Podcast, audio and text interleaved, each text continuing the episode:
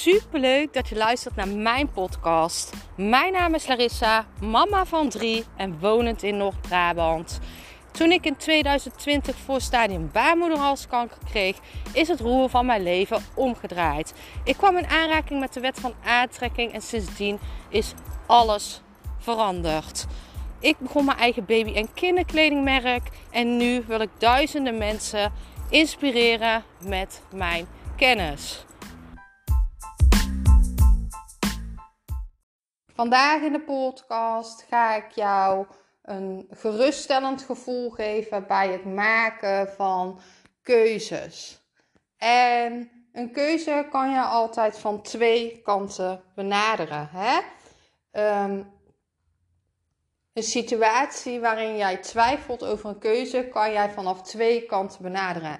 En de eerste kant is: je gaat het veranderen. Je gaat letterlijk de keuze nemen. Je gaat de sprong wagen. En je accepteert alle consequenties van die keuze.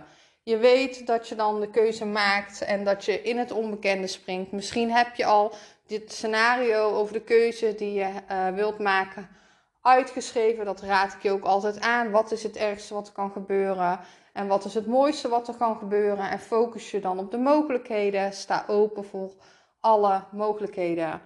En de tweede keuze is: je gaat er niks aan doen. En je gaat accepteren dat de keuze, of dat je de keuze niet gaat maken. Dat de situatie zo hetzelfde blijft. En het is altijd het een of het ander. Wat heb je liever? En wat ik dan ook altijd zeg, vaak voor een keuze um, moet je je bedenken: ben ik blij als ik over tien jaar nog sta waar ik sta? Ben ik blij als ik over tien jaar nog doe wat ik doe? Ben ik blij met de situatie als die over tien jaar nog hetzelfde is? En als het antwoord nee is, dan betekent het dat je moet veranderen. Punt. Dan betekent het dat jij die keuze moet maken, dat jij moet gaan veranderen. Alleen als jij duizend procent zeker kan zeggen: ik kan deze situatie accepteren als het nog hetzelfde is over tien jaar, dan moet je ermee doorgaan. Zo niet, als je dat niet kan accepteren, als jij niet gelukkig wordt, dat als je over tien jaar nog zo erbij zit, of dit nog doet wat je doet, of als je dit nog voelt wat je nu voelt, dan moet jij een keuze maken. En wat die keuze is, is aan jou hè.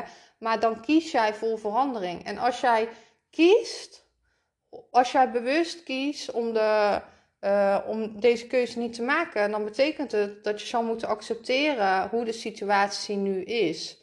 En dat is ook niet altijd makkelijk als je verandering wilt. Dat is niet altijd makkelijk. Dus het is altijd het een of het ander. En um, mijn tips is dan altijd om gewoon um, de, als jij zeker weet dat jij niet wilt staan waar je nu staat, dan zal je moeten veranderen. Je hebt altijd twee keuzes. Of je accepteert de situatie zoals die nu is, of je gaat de verandering aan. En om die verandering zo goed mogelijk aan te gaan, is het, uh, is het slim om gewoon je opties open te houden. Open te staan voor de mogelijkheden, zodat het universum jou kan verrassen. Want soms hebben wij een plaatje al zo vastgesteld in ons hoofd van zo zal het gaan. En ik wil niet dat het zo gaat. En vaak zie je dat het zoveel mooier kan uitpakken als jij open staat voor de mogelijkheden. Ik heb het al zo vaak gezien bij situaties dat ik denk: wauw, ik had dit van tevoren niet eens kunnen bedenken. Ik werd gewoon omvergeblazen door wat er gebeurde. Ik had het bijvoorbeeld ook met mijn woning.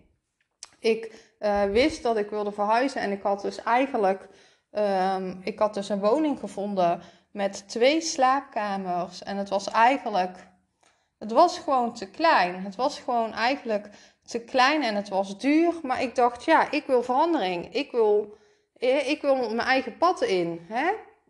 Na mijn scheiding, ik wil mijn eigen plekje. En dan heb je dus twee keuzes.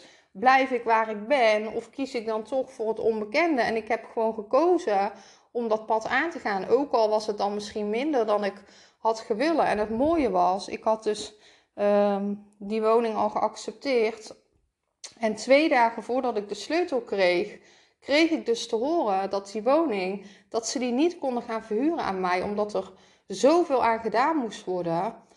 Toen kreeg ik een andere woning toegewezen. En die woning die ik kreeg toegewezen, die was groter. 110 vierkante meter. Dus die was gewoon veel groter. En ik kreeg hem nog eens voor een goedkopere prijs. Dus dat is het. Als jij een stap zet naar verandering, dan komt het universum jou tegemoet. En dat is ook de magie. Ik had al nooit van tevoren kunnen bedenken dat ik nou zo'n grote woning heb voor, voor relatief weinig geld. Terwijl ik had ook die andere woning kunnen hebben. En dit is gewoon, dit is gewoon openstaan voor mogelijkheden en gewoon vastberaden het pad aangaan. En je zal dan zien dat er zoveel mooie dingen op je pad komen. Dus vraag jezelf af.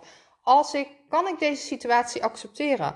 Als het antwoord nee is, dan zal je moeten veranderen. Dan zal je een stap moeten nemen. Dan zal je die keuze moeten maken. Ik ben super benieuwd naar jou, liefs.